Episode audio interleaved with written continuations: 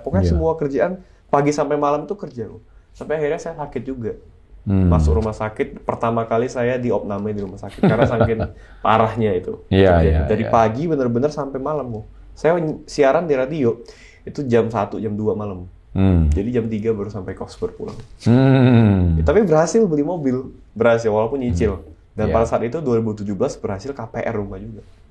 Gitar pertama saya harga 200 ribu, Hmm. itu saya bawa ke Medan, saya ngamen akhirnya kok.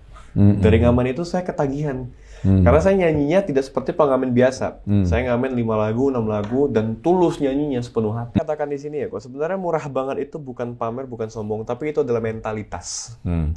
Karena memang murah gitu. Hmm. Nah, kita menganggap itu murah, walaupun bagi sebagian orang mahal, termasuk bagi saya beberapa tahun yang lalu. Indra, Ya. bicara kamu sampai punya kripto sendiri, itu gimana sih itu sebetulnya? Jadi sebenarnya proses saya udah panjang sih kok. Di dunia kripto ini saya udah melewati semua. Dari jadi trader, jadi investor, jadi miner juga udah pernah. Sahabat entrepreneur, salam hebat luar biasa. Akhirnya kita kedatangan apa ya, Sultan Medan ya. Amin. Nah, ini sultannya kripto Indonesia. Siap. Amin, amin. Saya banyak belajar dari anak muda ini. Eh, kita rupanya nanti kita akan kulik kisahnya dan eh, baru saja pulang dari Turki dan dipenjara selama 10 hari. Kita taat peraturan, taat aturan, taat karantina, taat pajak juga. Taat pajak, Ya, itu yang paling harus penting. gitu, Coach. Ya, harus. Gimana kisahnya? Kita setelah yang satu ini. Welcome to Success Before 30 Level Up Podcast. Indra, apa kabar? Baik kok, luar biasa.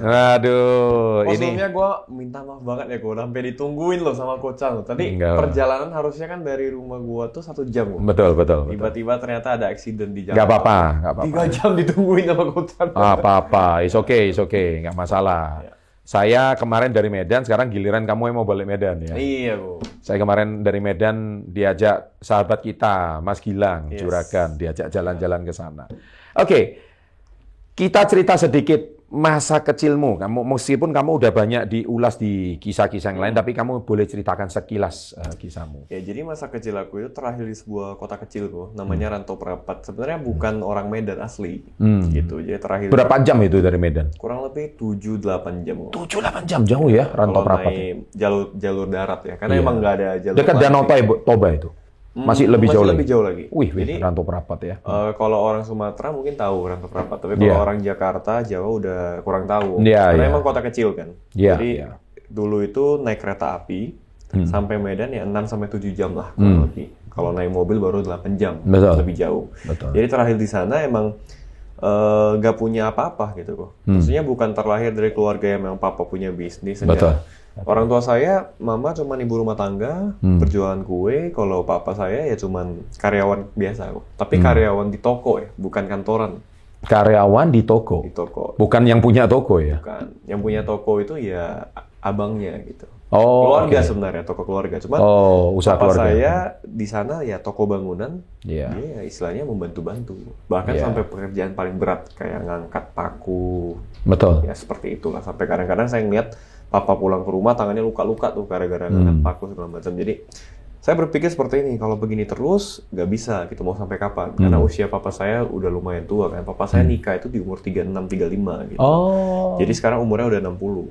Oh, Jadi papamu udah saat 60. itu Hmm. dia bekerja dari 18 tahun sampai umurnya 53 tahun. Sebelum akhirnya saya bilang ya udah pensiun aja pak. Hmm. Di 58 tahun lah baru dia mau pensiun. Karena dia nggak mau, dia bilang nggak bisa nggak kerja gitu. Hmm. Jadi berangkat dari sana, sebenarnya saya nggak punya pilihan, Pak. Hmm. Misalnya kalau misalnya saya nggak kerja, saya nggak sukses ya, Betul. saya susah terus dan orang tua saya itu bakal susah. Bahkan yang paling sakit tuh saya ingat, saya satu keluarga nih pengen makan keluarga bareng gitu kan. Hmm, Ada adik saya berempat. Kan. Ya, Keluarga yang lain mungkin naik mobil, kita Betul. naik motor berempat. nih. Betul. Nah itu yang membuat saya kok nggak bisa gitu kita punya Hmm. mobil ya pada saat itu. Hmm. Jadi itu ingat banget di tahun 2007 ya 2008 Hmm. Kamu umur berapa waktu itu?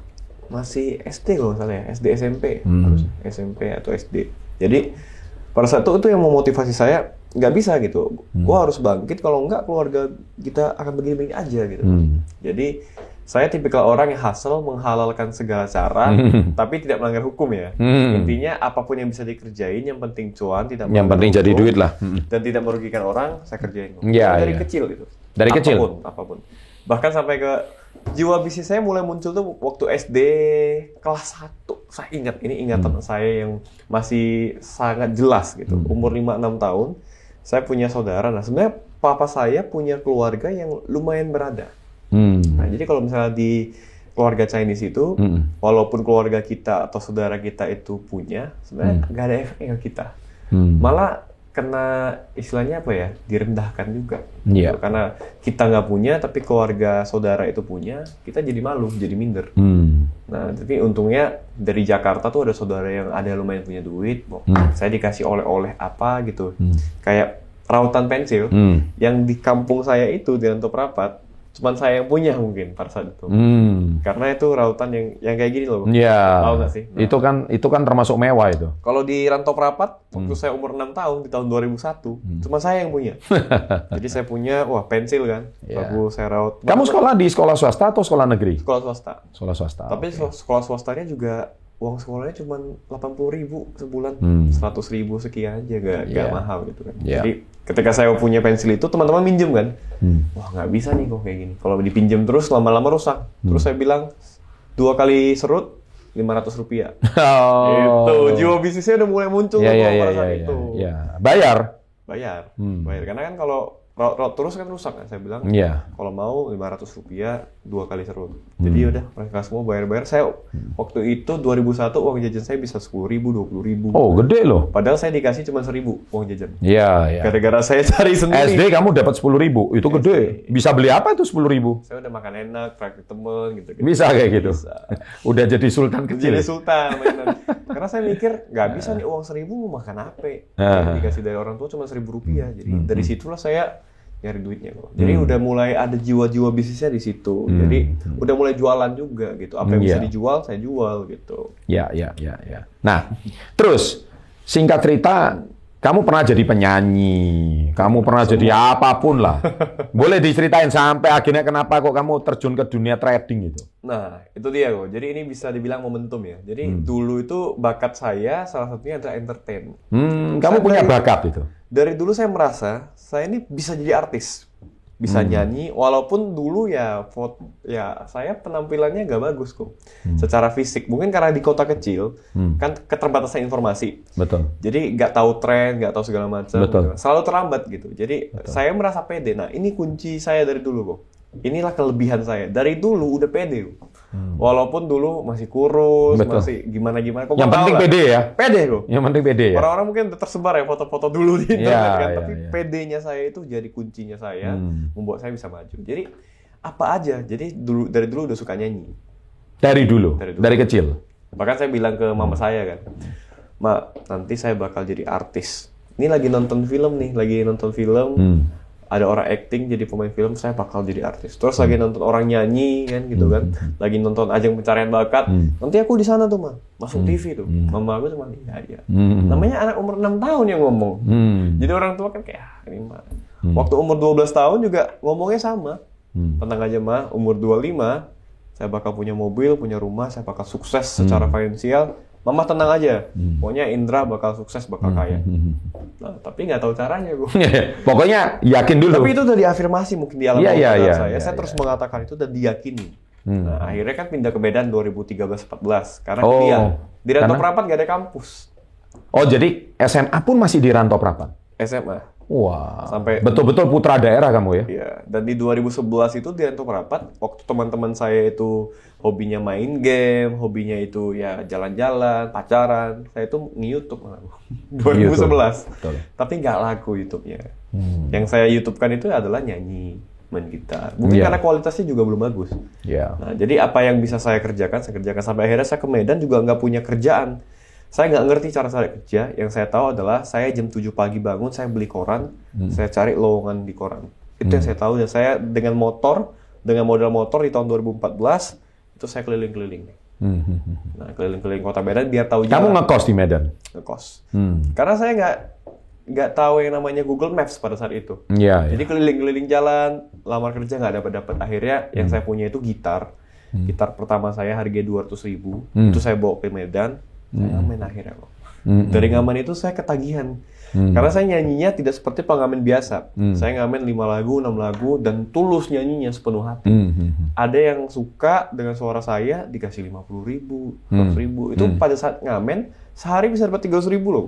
Hmm. Pada saat itu. Dan itu sebulan kan bisa 5 juta sampai 10 juta. Hmm. Jadi saya, wah ini ngamen oke Ngamen rumahnya lumayan juga ya. juga cuman lucu nih kok saya kan naik motor motornya diparkirin jauh bajunya dilusuh-lusuhin baru ngamen Ya, ya, ya. nah pada saat itu saya kan pakai Terlihat susah gitu saya ya. pakai kacamata pakai behel kan lucu kan karena Iya. ngamen pakai behel paling punya duit nih gitu kan jadi kayak Iya. nggak bisa gitu jadi saya mensusah-susahkan diri pada saat itu dan dari ngamen-ngamen akhirnya ketemu sama pemilik kafe Oh. ditawarin job nyanyi di kafe Jadi penyanyi tetap. jadi penyanyi tetap di kafe itu ya akhirnya mulai dapat yang profesional job di wedding singer Oh. gitu. jadi itu jadi sampingan saya kok dan hobi juga Oke. Dan pada saat itu saya udah kerja juga di sebuah kantor jadi admin kantoran gitu. Jadi, Admin kantoran. Sebentar, kantor apa itu? eh, bergerak di bidang distributor sepeda motor Oke. tapi sebelum itu jadi sales dulu Berarti kamu hard worker banget memang ya? jadi sales itu kacau karena nggak dikasih apa-apa jual produk ini datangin ke toko-toko diusir iya, iya. iya. di ya di mengalami penolakan sakit hati di situ mungkin terbentuk mental saya kok Betul, betul. di situlah saya merasakan susah ya nyari duit gitu Mm-mm. sesusah itu gitu karena mungkin Betul. waktu dulu saya kecil saya nggak pernah merasa benar-benar susah Oh iya. karena walaupun eh, kita bukan keluarga yang kaya tapi kan makan saya dicukupin sama orang tua Iya, cukup makan. Nah, gitu. tiga kali sehari bisa makan bisa sekolah jadi Betul. ini kan harus menanggung diri sendiri kok Betul. di saat itu saya merasakan oh gini toh menanggung diri sendiri udah nggak dapat makan dari orang tua lagi harus uang kos uang kuliah semua Betul. sendiri Betul. itu saya rasakan benar-benar berat berat sekali Betul. di awal saya hampir nyerah hampir kayak ya udahlah pulang aja ke kampung bantu orang tua aja lah gitu maksudnya Iya. orang tua saya kan jaga toko Iya. dia nggak usah jaga toko lagi biar saya yang jaga tokonya Oh. toko keluarga Kamu sempat terpikir seperti itu. itu? terpikir kayak Oke. papa udah tua papa jangan kerja deh biar Dan saya, kamu anak paling besar? saya anak paling besar Oh. dua bersaudara. Dia sempat berpikir pulang aja ke kampung ya bantuin toko Iya. keluarga itu aja walaupun cuma digaji rendah ya udah. Berarti artinya kamu sempat impiannya itu hampir Sempat hilang. nyerah gitu. Karena Hmm. kayak merasa nggak bisa di ini adalah kota yang aku baru tahu, baru kenal, nggak punya siapa pun, nggak punya apa. Hmm. Tapi bahasanya sama. Orang rantau perapat sama Medan itu kurang lebih sama. Bahasanya dan culture-nya kurang lebih sama, cuman di Hmm. Medan tuh lebih keras. Iya, iya. Kan Orang-orang Batak tuh ngomong tuh kayak gitu tuh kan keras lah. Hmm. Kurang lebih gitu lah. kok. Jadi Iya, iya. tidak terbiasa kok. Jadi bagi saya yang orang kota kecil datang ke Medan, itu saya direndahkan sama orang-orang di sana. Termasuk teman-teman kuliah saya pada awalnya kayak Hmm. menganggap ah ini orang udah kurus, jelek ya kan. Dari kampung gitu kali ya. kampung giginya tonggos segala macem kan. Tapi pede. Iya. Kan orang kesel. Orang kesel. Ini orang kok sos- kepedean. gitu. Kepedean gitu Ini ya. salah saya juga sih karena saya pada saat itu over pede kok. Over. Jatuhnya- Kamu over PD-nya seperti berapa ya sampai jargonmu itu apa murah banget itu ya? Nah, itu gimana sih itu? Kalau saya melihat ya kok, mungkin pada saat Nah, itu nah. saya kan pede, pede Nah. saya di sini, tapi kualitas diri saya di sini. Iya, iya, iya, iya. Makanya bisa dikatakan over pede. Hmm. Tapi kan sering berjalan waktu, kualitas diri ditingkatkan, akhirnya menjadi equal. Hmm. Akhirnya sekarang udah tidak direndahkan lagi. Tapi pada saat itu, karena kepedean, nggak punya kualitas, makanya direndahkan. Wajar Hmm. Iya. sebenarnya. Wajar. Wajar. Nggak Iya. salah sih mereka. Tapi orang Indonesia sebaliknya. Ya, Malah nggak pede sama sekali. itu nggak boleh juga. Nggak boleh juga kan? Nggak boleh juga, walaupun ada orang yang kualitas dirinya tinggi nih. Betul. PD-nya di bawah, Mm-mm. nggak ke mana-mana juga. Nggak yang ke mana-mana benar juga. itu equal. Mm-mm. Tapi saya berangkat dari orang yang PD-nya di atas dulu, over Hmm. PD dulu, ya kan. Tapi akhirnya bisa equal karena apa pun saya lakukan kok. Selama saya di kampus, di kuliah, apa pun saya lakukan. Ada audisi Indonesian Idol, X Factor, apa pun itu ajang pencarian bakat, antri ikut. Hmm. Udah antri, nyanyi, gagal, antri lagi. Hmm. Gagal, antri lagi. Hmm. Karena kan kalau yang di kota-kota itu kan banyak bilik-biliknya kan. Hmm. Jadi saya mencoba terus gak nyerah. Hmm. Antri terus, antri terus sampai akhirnya 2018 masuk TV pertama kali ya. Setelah Wow. ratusan audisi. Ratusan audisi. Ratusan audisi. Kamu bisa masuk TV nyanyi. Ya nih, Oke. Nah, Itu itu- nama acaranya apa? The Voice Indonesia. The Voice Indonesia. Itulah pertama kali saya mulai menemukan turning point saya di bidang entertain. Orang-orang mulai mengenal Intrakens. Hmm. Nah, di situlah saya dimentori sama Titi DJ. Hmm. Dan sampai saat ini saya sama Titi DJ berhubungan sangat baik. Hmm. WA-WAan sangat baik lah. Dari situ 2018 sampai sekarang. Hmm. Jadi itu membuka Tiga tahun ini aja ya. Ya, turning Nah. point saya di tiga tahun ini kok. Tapi di 2016 unik. Dari hasil kerja serabutan saya tadi, Hmm. kerja kantoran, penyiar radio, MC, Hmm. terus jadi wedding singer, terus jualan online, itu saya udah berhasil beli mobil sendiri Oh, di iya. iya. 2016. Walaupun mobilnya cuman mobil biasa ya, Hmm. cuman mobil-mobil Avanza. Dan ketika saya beli mobil, ternyata masuklah Grab dan Gojek. Oh, Di iya. situ saya apply jadi driver. Di sempat sempat jadi driver situ, Gojek. ya? driver di awal-awal dengan bonus yang gede. loh. Oh, iya, iya. Dari situ saya dapat kalau nggak salah ingat ya. Uber kan waktu itu? Ada Gojek, ada Grab, ada Uber. Nah, saya kemarin apply-nya jadi Gojek. Oh, Gokar. Gokar. Itu saya dapat 20 juta per bulan. Satu bulan. Wah itu gede banget tuh. Saya nganterin orang ke bandara. Pokoknya Iya. semua kerjaan pagi sampai malam itu kerja loh. Sampai akhirnya saya sakit juga. Hmm. Masuk rumah sakit, pertama kali saya diopname di rumah sakit karena saking parahnya itu. Iya, Jadi, iya, Dari iya. pagi bener-bener sampai malam loh. Saya siaran di radio itu jam 1, jam 2 malam. Hmm. Jadi jam 3 baru sampai kos berpulang. Hmm. Ya, tapi berhasil beli mobil, berhasil walaupun nyicil. Dan Iya. pada saat itu 2017 berhasil KPR rumah juga. Oh jadi kamu memaksa diri untuk Paksa. Kerja- Itu bener-bener usia berapa itu? kerja keras. Itu 21 tahun beli mobil, 22 KPR rumah. Wah keren keren keren. Tapi itu bener-bener berdarah-darah. Oh iya memang harus begitu. Hmm. Itu benar-benar saya ngerasain inilah kerja keras. Jadi saya merasa kalau misalnya mau dapat di level amount of money 100 million ya, 100 juta, 200 juta. Kerja keras bisa, tapi kalau di atas itu kayaknya perlu kerja cerdas. Nggak bisa lagi karena Iya. fisik kita terbatas kan. Iya iya iya iya. Ya. Good. Jadi guys itulah sekelumit ceritanya Indra Kens. Makanya kita undang di channel Success Before 30. Siap. Dan topik podcast kita ini kan level, up. Level up. Bagaimana kita bisa men selalu men-level up Anda. Dan ini kalau kita cerita netizen, kamu kan eh, sempat viral di TikTok ya. Yes. Bikin orang pro dan kontra ya. Iya benar. Nah, jadi apalagi kalau saya baca-baca kisahnya itu yang bikin orang jengkel itu kamu pakai jargon murah banget. Murah banget. Gitu. Nah, iya kan? Benar, benar. Ngomongnya apa? Murah banget gitu. Ada intonasinya tuh kok. Eh, Ini gimana saya itu? pelajarin karena pernah jadi penyiar radio. Oke. Wah, murah banget. Oh, wah, itu. saya nggak bisa niru. iya, itu ciri nah, khas ya, Bu, ya? itu ciri khasnya. Nah, jadi Ya. memang eh, ketika sesuatu jargon itu kamu masukkan ke publik, Ya. itu pasti ada yang jengkel, Pro ada yang kontra, senang. pro kontra. Pasti ya. Yes. Dan itu wajar. Yes. Itu sebuah strategi. Menurut saya manusia ini pinter branding gitu ya. Nah, amin. tapi itu itu itu yang kita harus katakan. Nah, kalau yang mengerti, beliau akan paham itu adalah sebuah jargon. Ya. Tapi kalau yang tidak paham, jengkel. gitu. Jengkel, sombong, pamer. Pamer. Nah, boleh diceritain sedikit. Ya, saya katakan di sini ya, kok sebenarnya murah banget itu bukan pamer, bukan sombong, tapi itu adalah mentalitas. Hmm. Karena memang murah gitu. Hmm. Nah, kita menganggap itu murah, walaupun bagi sebagian orang mahal, termasuk bagi saya beberapa tahun yang lalu. Ya, Yang tadi saya cerita tadi, ketika masa-masa perjuangan. Saya tuh waktu awal ke Medan, ditemenin sama teman-teman kampus ke mall, beli sebuah sendal, 100 ribu. Saya bilang, gila sendal 100 ribu. Sendal apaan? mahal banget gitu. Mahal banget. Hmm. Sendal 100 ribu. Ya sekarang, saya ya menelan ludah sendiri gitu. Betul. Yang saya bilang mahal, saya beli juga gitu. Hmm, Jadi iya. sebenarnya itu mentalitas kok. Mentalitas. Artinya kita jangan pernah menganggap semua mahal. Nanti bener-bener mahal dan kita nggak bisa afford. Hmm. Nah, walaupun mahal, kita katakan murah, Kalau di channel Success Before 30, it's all about mindset. of course. Ya. Jadi walaupun kita tahu itu mahal, saya bukan nggak tahu itu mahal ya. Saya tahu banget itu mahal bagi sebagian orang, bahkan bagi saya juga. Tapi saya katakan murah. Itulah mentalitas saya. Karena kalau saya katakan murah, artinya saya punya uang yang lebih banyak dari harga barang tersebut. Makanya saya bilang, bisa bilang murah. iPhone 30 juta saya bisa bilang murah. Hmm. Karena saya punya lebih berkali-kali lipat dari itu. Karena saya punya prinsip juga kalau kalau mau beli barang nih, saya harus punya at least barang-barang kebutuhan ya, yang liability.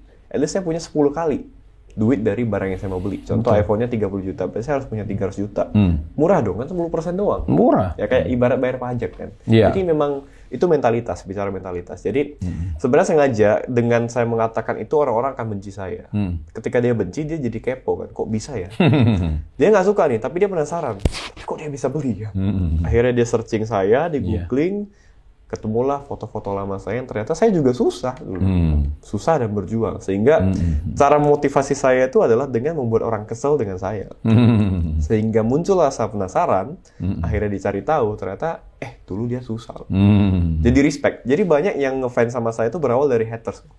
Ya, Banyak tuh yang dari benci, awalnya ngira sombong, ternyata udah cari tahu orangnya, jadi suka malah. Oke. Gitu. Nah, itu itulah guys. Jadi kalau kalian nggak cari informasi, ya Anda mungkin melihat dari satu sisi ah, Indra Ken sombong gitu Iya. ya. Ah, kalau kalau saya lihatnya sih tidak gitu ya. Iya, iya. Ya, karena Anda lihatnya kan dari kamera.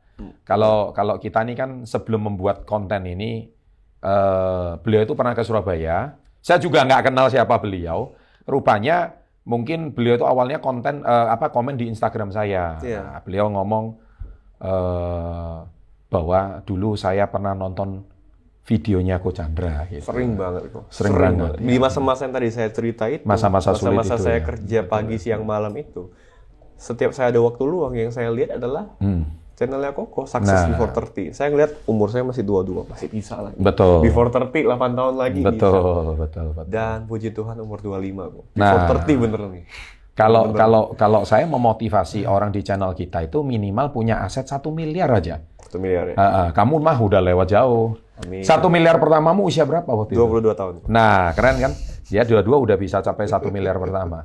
Tapi memang struggling ya. Jadi Struggling, kalau struggling. kalau anda lihat kisahnya. Nah, oke, saya Yes. mau cerita sedikit tentang kontroversi-kontroversinya. Ya. Kamu itu pernah pernah apa apa trading, kemudian pernah money game juga. Wah, pernah kok. Pernah, ma pokoknya semua cara lah ya. Agen asuransi juga pernah. Pernah. Terus apalagi eh, MLM juga pernah. MLM juga pernah. Terus ini sebentar apa apa yang forex lah apalah Forex, ya. binary, Jadi macam-macam lah ya. Semua kok. Semua ya. Boleh diceritain sampai ada yang merasa eh, ikut saranmu itu kok akhirnya jadi rugi atau Ya. gimana? Oke oke boleh Jadi diceritain. sebenarnya dari tadi pekerjaan yang saya lakukan sebenarnya nggak ada hubungannya dengan trading kan. Bahkan saya kuliah itu Hmm. Betul. sarjana teknik kok, teknik elektro. Betul. ST kan. Walaupun sekarang ST saya anggap sarjana trading lah. ya. Di 2018 saya mulai mencari tahu patternnya orang-orang sukses, orang-orang kaya Hmm. di seluruh dunia. Itu selalu sama. Mereka tetap melakukan yang namanya investasi. Mm-mm. Jadi kita nggak harus pintar investasi, Hmm. tapi kita wajib investasi. Mm-mm. Itu yang saya pahami. Jadi saya mulai cari tahu soal trading ini. Karena trading sama investasi itu kan berhubungan sebenarnya. Iya iya. Saya mulai mengulik, akhirnya saya ikut webinar. Ikut webinar, ikut seminar di Medan, Hmm. di Jakarta, ikut semua semua semua semuanya. Mm-mm. Akhirnya ketemulah satu formula Hmm. yang cocok dengan rumus saya. Jadi saya amati, tiru, modifikasi, sempurnakan. Hmm. Dari semua metode tadi, ketemu metode Indra Kens, saya implementasikan, bisa profit. Bisa nih, teknik saya pembaca candle untuk trading segala macam bisa profit. Hmm. Akhirnya saya bikin video di YouTube channel saya yang dulunya untuk cover-cover lagu. Hmm. Saya upload video trading, mulai disukai. Hmm. Nah, berbekalkan pengalaman saya jadi MC, penyiar radio, mungkin saya cara penyampaiannya mudah Berbeda, diterima, mudah betul. diterima oleh masyarakat, Betul. mudah diterima oleh followers dan subscriber, Hmm. mulailah bertumbuh channel saya. Di 2018 itu momen ketika saya masuk TV tadi Hmm. karena nyanyi, akhirnya saya kan berhenti di top 40. Berhentilah di 40 besar pulang. Hmm. Padahal waktu saya masuk TV saya udah ngira mungkin ini jalan saya jadi terkenal, jadi sukses. Hmm. Ternyata Tuhan berkata lain Hmm. ternyata malah dari trading. Dan momentum kok di 2020, COVID. Iya. Akhirnya orang pada berpikir bagaimana cara mendapatkan uang dari rumah. Betul. Solusinya adalah trading salah satunya. Hmm. Nah, trading saham mulai naik di 2020 waktu COVID. Dan saya udah di sana di 2018. Hmm. Jadi momentum. kok. Akhirnya di 2021, kripto, saya udah duluan. Dari 2018, saya udah mempelajari hal tersebut. Jadi kamu udah kenal Bitcoin, saya udah duluan. Ethereum, itu Saya- udah kenal jauh ya? Saya mau beli Bitcoin di harga 10 juta Bitcoin. 10 juta 10 ya? juta. Jadi ketika Itu tahun berapa ya 10 juta? 2017-18 awal. Ya, 2017 masih Ya. segitu. Walaupun di 2017 akhir naik ke 200 jutaan ya. Mm-mm. Itu saya juga beli dan nyangkut juga kok. Nyangkut. Nyangkut. Ya. Tapi kan di 2020 21 naik Waktu nyangkut dijual nggak? enggak. Nah, Enggak. Hmm. Karena saya believe ini masa depan gitu. Nah, sebenarnya lebih ke informasi sih kok. Lebih Ya. ke kalau kita mengetahui sesuatu hal jauh lebih awal ketimbang Hmm. orang lain, maka kita akan dapat momentumnya. Hmm. Sama halnya ketika saya jadi driver taksi online tadi, Hmm. saya duluan loh. Sekarang udah lebih banyak driver kan, Betul. jadi bonusnya tidak akan seperti saya di awal bisa Iya. 20 juta per bulannya. Mungkin sekarang dapat 5 juta pun udah sulit ya kalau Iya. driver ya. Betul. Nah saya udah duluan di awal. Nah saya tahu kapan waktunya saya harus masuk, kapan harus keluar. Tergantung sama tren loh. Sekarang tren udah bicara metaverse, bicara crypto future, bicara tanah digital segala macam. Nah, kita harus peka sama tren. Jadi yang saya pelajarin dulu ketika zaman saya kerja keras itu, menurut saya itu salah. Mungkin saya masih punya tubuh yang sehat, saya masih bisa fight kerja pagi siang malam. Tapi saya nggak tahu momentumnya apa di sana. Hmm. Nah, sehingga akhirnya saya membebani diri saya sendiri. Hmm. Nah, sekarang saya lebih ke kerja juga, keras juga, pagi siang malam juga, tapi lebih worth it hasilnya. Hmm. Karena saya mengamati tren. Hmm. Nah, jadi sekarang kalau saya ngelihat trennya lebih ke investasi, lebih ke kripto sekarang ya ini yang saya kembangkan. Hmm. Apalagi sekarang kita udah masuk ke industri 4.0, mau masuk ke 5.0, semuanya udah serba berubah. Jadi kalau kita tidak aware dengan teknologi, tidak aware dengan yang terjadi sekarang, maka nggak bisa, kita nggak akan bisa survive. Kembali ke cerita tadi kamu beli Bitcoin di harga 200 juta waktu itu. Iya. Kalau sekarang 200 juta disapu orang ya mungkin ya. Diserok habis kok. Diserok habis. Nah, waktu 200 juta kembali turun ke 40 juta ya. juta. Waktu itu di awal 2020 ya kalau nggak salah ya. Itu momen-momen terberat sih. Momen terberat Momen itu. terberat. Nah, itu psikismu gimana? Kan biasanya lihat asetnya misalkan 1 miliar, Ya, turun sampai drop 40 juta. Itu kan sama dengan drop 60-70 persen ya. berarti dari satu miliar jadi di sisa 300 juta. Nah, itu kan rasanya gimana gitu. Nah, itu kan padahal nah, ini permasalahannya ya. Ya. Orang-orang itu Mental kan- nih. Ini kita bicara mental ya. Yes, benar. Nah, padahal mungkin dia lagi butuh duit Ya, sehingga dia terpaksa harus menjual. yes. Ataukah kita harus cari pemasukan lain untuk kita jangan jual aset ini atau bagaimana strategi kamu? Untungnya pada saat itu adalah saya tidak mengandalkan itu saja kok. Hmm. Jadi justru uang investasi itu tidak boleh diganggu gugat. Tidak boleh Uang diganggu. investasi ya uang investasi. Makanya ketika saya beli Bitcoin itu turun, ya udah saya lupakan kok. Malah saya beli terus secara berkala. Nah, ada teknik yang namanya DCA kan, dollar cost averaging. Betul. Setiap bulan saya beli, saya beli, saya lupakan sekarang ketika harga Bitcoin 800 juta, 900 juta, di situ saya jual sedikit-sedikit. Nah, di situ saya panen gede kok sebenarnya. Iya, iya. Jadi kalau misalnya orang-orang dilihat terus portonya, ini bicara kripto ya ataupun saham ya. Setiap hari bangun dilihat dilihat terus, nggak akan bisa kerja nanti. Akan mengganggu pikirannya, psikisnya yang ada kerjanya nggak maksimal. Nah, jadi kita harus pisahin uang investasi, uang kebutuhan, dan uang kerja, uang untuk bisnis semua harus terpisah. Itu harus ada pembagian portofolionya. Guys, jadi itulah seorang Indra Kens. Beliau juga mengajarkan dollar cost averaging yang selalu saya tekankan. Benar, benar banget. itu. Ya, jadi kalau Anda mentalitinya belum sebagai investor, ya otomatis kalau Anda BPJS beri pagi jual sore, ya kan? itu akhirnya Anda menjadi makanya saya selalu bilang investor itu mindset. Yes, it's all tapi about mindset. ah, ah, tapi kalau trader itu profesi. Benar. Nah, saya selalu bilang. Nah, kalau orang tanya ke saya, "Loh, saya bukan trader. Saya ini trader di bisnis saya sendiri. Benar. Nah, tapi kalau suruh tanya ini sama apa bagus apa, wah kayaknya di sosial media banyak banget lah. Ya. Tapi saya tidak menyarankan itu. Benar. Kamu akan menjadi Indra Kens dulu, Yes. yang, wih, kayaknya. Tapi ini manusia beda. Beliau tahu beli, bahkan nabung terus nih. Iya. nabung terus nih ya sampai ke satu titik wah itu bisa sampai puluhan kali lipat ya. Sampai belakangan punya kripto sendiri ini. Benar. punya kripto. Nah, ini ini nanti saya akan tanya. Tetapi satu hal yang kalian harus tahu Benar. ciri khas orang sukses itu patternnya seperti itu. Nah jadi anda harus paham bahwa seorang Indra Kens mungkin itu adalah strategi marketing beliau memakai murah banget itu ya. Iya. Nah, dengan intonasinya dan sekarang seorang Indra Kens itu kenapa bisa berhasil beli Ferrari murah banget gitu ya. Amin, Beli apa murah banget.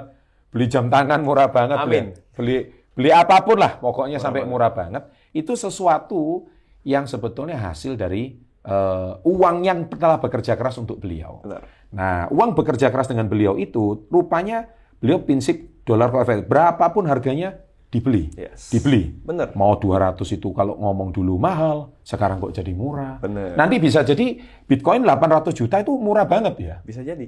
Ya, mungkin bisa jadi Bitcoin harganya 5M, 10M kita nggak tahu ya. Bisa jadi. Nah. apa pun bisa terjadi kok. Nah, ini makanya saya harus belajar sama yang muda-muda ini. Karena kalau saya ini kan eranya masih saham. Ya. Ya kan? Jadi kripto ini apa gitu ya. Saya baru tahu beberapa tahun belakangan. Cuman saya panggil ahli-ahli, pakar-pakar yang memang sudah ternyata berhasil.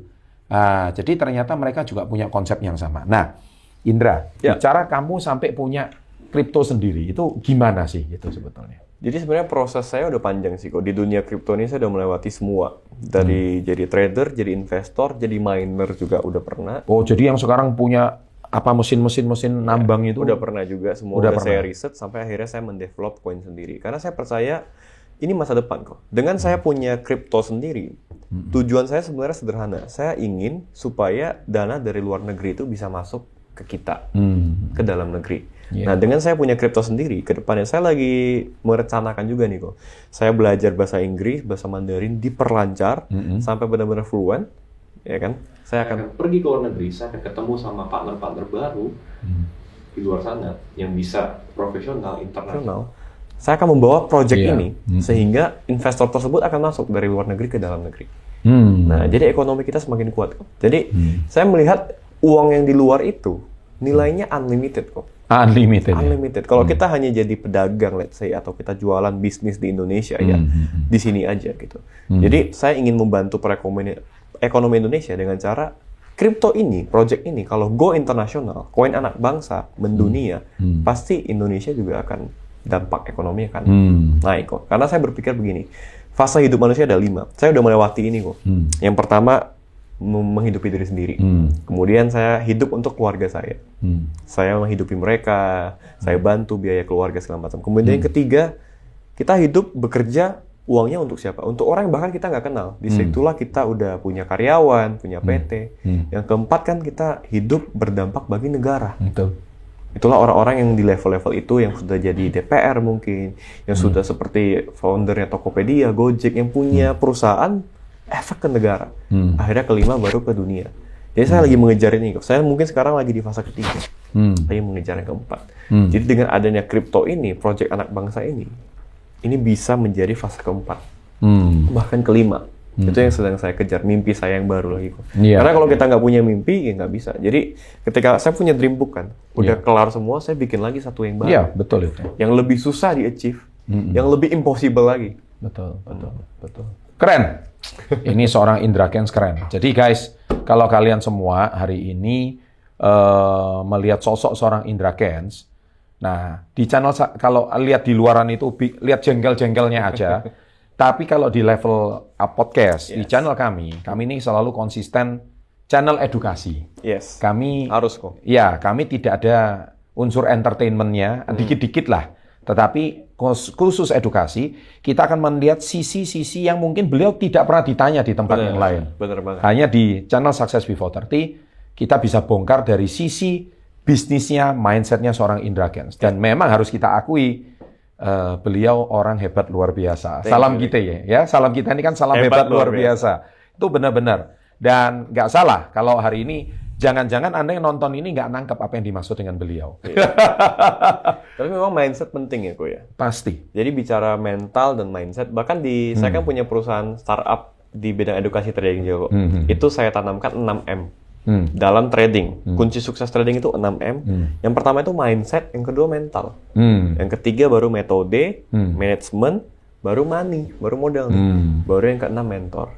Hmm. Nah, jadi 6M ini memang benar-benar saya rasakan. Tapi nomor satu mindset ya? mindset. Kenapa kok nomor satu, kok nggak nomor enam gitu? Karena mindset itulah yang akan nge-guide kita. Hmm. Kalau mindset di awal udah salah, kan ada orang yang punya fixed mindset nih ya. Iya. bukan growth mindset. Udah Betul. susah. Kalau udah fixed mindset, apa pun salah. Apa pun Karena dia salah. Hmm. udah menganggap ya udah gini aja. Dia nggak mau berkembang. Nah, kalau orang punya growth mindset, hidupnya bakal lebih enak sih kok. Bakal Betul. lebih berkembang, bakal lebih luar biasa. Karena saya berpikir begini, kayak orang-orang tadi yang koko bilang, Hmm. kenapa orang-orang pada nanya beli saham apa dong? Mereka pengen instan. Betul. Mau kaya instan. Padahal mereka harus melewati fase-fase tadi. Hmm. Yang udah saya lewati di saat masa-masa saya kerja pagi siang malam kok. Masa-masa kita jadi karyawan, Betul. kemudian mempekerjakan diri sendiri, Hmm. freelance, self-employed, kemudian jadi business owner, Hmm. barulah investor. Orang-orang kadang-kadang masih mindset karyawan. Saya nggak bicara karyawan ya, mindsetnya nih, mindset karyawan, tapi udah mau jadi investor nggak bisa. Hmm. Walaupun kita sekarang karyawan, tapi kita nggak boleh mindset karyawan. Hmm. Nah, mindsetnya itu harus berkembang. Hmm. Makanya baru bisa sukses di bidang apa pun. Tapi kalau mindset ini nggak dikembangin ya nggak bisa. Makanya harus nonton konten-konten seperti ini kok. Makanya dulu kan saya bilang saya sering nonton Betul. Success Before 30. Semua kontennya apa pun itu saya nonton semua. Terima Dan Itu kasih. mungkin yang mendevelop mindset saya kok. Karena saya bukan tipikal orang yang baca buku. Oh, kamu suka diceritain atau nonton? Saya suka ngobrol, saya suka nonton audio visual. Hmm. Jadi ketika saya lihat kontennya Koko, Success Before 30 itu membantu sekali karena sebenarnya itu banyak inspirasi dari buku-buku kan. Banyak Betul.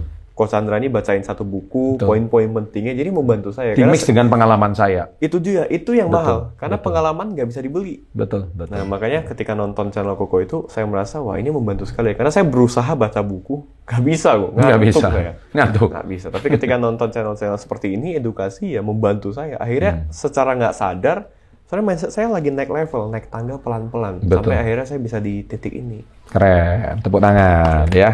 Mindset number one pokoknya. Mindset number one. Dengar ya guys ya. Bahkan seorang, saya research kenapa sampai ada jargon it's all about mindset di channel kami. Apa pun kesuksesan yang mau Anda raih, mau di bidang olahragawan, Ya. mau di bidang entertainment, mau di bidang bisnis. Ternyata ketika atlet itu lagi cedera, tapi dia bisa bangkit lagi. Betul. Itu mindset. Dia punya pilihan untuk quit, berhenti, Bener. tapi dia struggling, dia tetap bangkit menyelesaikan pertandingan, itu mindset. Ya. Nah, begitu juga seorang Indra kan. Jadi, wah ini kripto lagi berdarah-darah ini. Bener. Orang lagi pusing, tapi dia bertahan. Benar, benar. Nah, ini mindset ini kan. Karena sebenarnya otak manusia itu luar biasa sih. Kok. Betul, betul. Saya percaya apa pun bisa dilakukan gitu kan. Apalagi kalau kita ngelihat di film-film ada yang katanya bisa telekinesis lah segala macam. Saya percaya mungkin itu ada gitu. Mungkin tapi penerapannya tidak seperti sesuai film. ya. Karena saya yakin otak manusia ini cerdas luar biasa. Semua kita punya kelebihan itu. Terus banyak orang yang bukan kalau kasarnya kan nggak punya otak enggak punya tapi nggak digunakan banyak orang tidak mengimplementasikan otak yang udah dikaruniakan Tuhan ini Ya karena fixed Dengan mindset baik itu tadi. ditutup semua. Hmm, jadi betul. punya tembok kan karena fixed mindset. Itu harus dihancurkan. Kalau udah dihancurkan jadi growth Hmm. mindset, wah akan lebih berkembang sih pasti. kok. Terakhir, Ya. tadi Indra sudah menceritakan mimpinya tentang eh, di tahap keempat dan di tahap kelima. Yes. Berdampak sama bangsa dan negara. Ya, dan Untuk dunia. dan untuk dunia. Yes. Sekarang kamu di fase yang ketiga. Iya. Fase ketiga itu? Ya kita berdampak untuk orang-orang yang bahkan kita nggak kenal. Hmm, Karena oke. kita membuka lapangan pekerjaan. Saya di umur 25 kok, puji Tuhan saya udah punya lebih dari 200 employee. kok. Hmm, Jadi keren. itu adalah sebuah prestasi tapi beban juga gua. Coba. beban juga karena kita mikirin mereka gitu. Bahkan Hmm. saya pernah ngobrol sama Pernah pecat karyawan nggak sih? Nggak pernah. Sampai hari ini belum pernah. Belum pernah. Belum pernah. Biasanya tuh mereka dapat pekerjaan lain atau mereka punya mimpi lain mungkin Jadi mereka pindah. mereka pindah. Sampai saat ini belum pernah pecat. Belum. Kecuali yang memang dikeluarkan dengan sendirinya karena kan kita ada contoh orang karyawan baru masuk kan ada probation Hmm. selama tiga bulan. Kalau tidak di- tidak lulus itu ya keluar dengan sendiri. Tapi pemecatan Iya. belum pernah kok. Bahkan waktu covid kita nggak pernah pecat orang. Keren, keren, keren, keren, keren. Malah nambah kok. malah nambah karyawan terus, malah nambah. Kecuali mereka resign dengan sendirinya. ya. Yes, benar. Ada pilihan lain. Iya, 200 karyawan itu fixed cost-nya cukup gede loh ya. cukup gede kok. Padahal sorry, eh, di dunia digital ini perlukah karyawan sebanyak itu? Nah, karena kan saya punya beberapa bisnis juga kok. Kan Oh, punya F&B. total ya? Yang F&B itu aja udah hampir 100. kok. Oh, F&B yang besar ya. Iya, karena F&B cukup besar. karena itu offline ya. Yes, offline. Itu bukan online ya. Maksud saya kalau secara digital ini kan Sebenarnya nggak perlu sih kok. nggak perlu kan ya. Kalau yang kayak khusus trading itu cuma 25 orang, 25 orang udah ya. cukup. Iya. Terus kita kan saya punya eh, agency digital management di Sotif namanya. Talent Iya. management itu cuma 15 orang cukup. Iya, iya, iya, iya. Tapi, keren. in total loh, jadi 200. di In dalam total. semua anak perusahaanmu Iya, lah ya. iya. Total 200 karyawan. Dalam holding di bawahnya semua company-company, multiple company total 200. Keren. Ini luar biasa. Usia 25. Iya. Tahun ini usia 2? Tahun tahun depan 26, tahun ini 25 kok. Masih 25. Tahun ini 25. Baru seperempat abad, guys. iya. Dan ini kuotanya menuju 30 masih 5 tahun. 5 tahun lagi kok. Iya. Nah, betul-betul terakhir. Kamu pernah mengalami, kan tadi susah, masa susah. Pernah Iya. nggak mengalami kejatuhan? Pernah dong kok. Itu kalau nggak salah, Bicara kejatuhan itu, ya apa pun lah. ya. Hmm. Sebenarnya kejatuhan paling parah itu adalah mental kok. Saya sampai telepon sama Koko berjam-jam Koko ini. Ya, ini ini, nah ini kontennya nggak boleh di-record. Itu pribadinya beliau, nggak apa-apa. Jadi itu kita baru kenal nggak lama, cuman saya juga kagum Ko Chandra mau meluangkan waktu ngobrol sama saya lewat telepon itu sampai ham- lebih dari dua jam kalau nggak salah. Iya, iya. Malam-malam itu. ya. Malam-malam. Saya di posisi di mana umurnya itu memasuki 25 kok. Itu masih 24. Ya, Umur- tahun lalu ya. Tahun Dek? lalu tuh. Iya, iya. Jadi saya di fase yang saya udah punya rezeki itu, ketika saya naik mobil Ferrari saya, rasanya hambar, Hampa ya. hampa. Kosong ya. Kayak ya udah gini doang. Karena saya belum tahu konsep lima fase tadi. Hmm, saya masih merasa ya ini doang gitu. Saya hidup untuk diri sendiri. Betul. Saya tidak sadar, tidak aware dengan lima fase yang saya sebut. Saya ada kasih tentang tiga level impian itu kan. tiga ya? level impian. Iya, iya waktu itu. Jadi tiga level impian yang Coach Sandra kasih ke saya itu saya terjemahkan menjadi lima fase kehidupan Hmm. bagus, manusia tadi. bagus sekali. Jadi saya dapat dari Coach Sandra sebenarnya. Bagus, bagus, bagus. Itu dia kok. Jadi saya merasa mental. Uang ada ya. Hmm. Betul. Uang ada, tapi kayak rasanya hampa. Jadi Ternyata punya uang pun belum tentu nggak punya masalah. belum tentu nggak punya masalah. Jadi Jadi pun- cuman nggak ada masalah dengan duit aja ya. Betul, betul sekali. Nah, masalahnya orang yang tidak punya duit adalah ketika ada duit, masalahnya kelar kok. Mungkin masalah-masalah orang nggak punya duit nggak bisa bayar cicilan, nggak bisa jalan-jalan. Tapi masalah orang yang udah punya duit lebih kompleks. Lebih kompleks. Tidak bisa diselesaikan dengan uang. Dan itu diterjemahkan oleh sebagian besar masyarakat Indonesia menjadi pembenaran diri. Dia bilang harta nggak dibawa mati lah. Ya, orang kaya Itulah se- bahagia. orang orang kaya nggak bahagia. Dan itu jadi pembenaran diri. Itu menurut saya, Betul. guys, itu Salah nggak lengkap loh ya guys. Nggak lengkap. Ya, ternyata eh, gini loh ya. Sesusah-susahnya orang kaya, tapi makannya masih enak kok. Iya. Ada yang bilang gini, orang kaya belum tentu bahagia. Apalagi nggak kaya. Apalagi nggak kaya. tos dulu, tos dulu. Masuk itu ya. Itu dia. Catat itu ya. Itu di menit keberapa itu ya.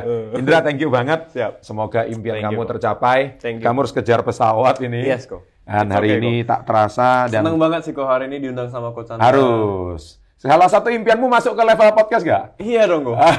Karena ini yang saya nonton dulu, sekarang saya bisa di sini ngomong langsung sama Coach Sandra. Aduh, dan saya sangat senang gara-gara impact channel Level Up Podcast atau SB30 Ya. bisa lahir orang-orang kayak Indra Kens di Indonesia. Thank you. Saya sangat berharap banyak Indra Kens Indra Kens baru berikutnya. Amin. Ah, ah, berkat eh, impact ini sehingga bisa menginspirasi Ya. dan menjadi dampak bagi bangsa Indonesia. Terima kasih. Kita tutup dengan salam hebat luar biasa Indra Kens. Oke. Salam hebat Luar luar biasa.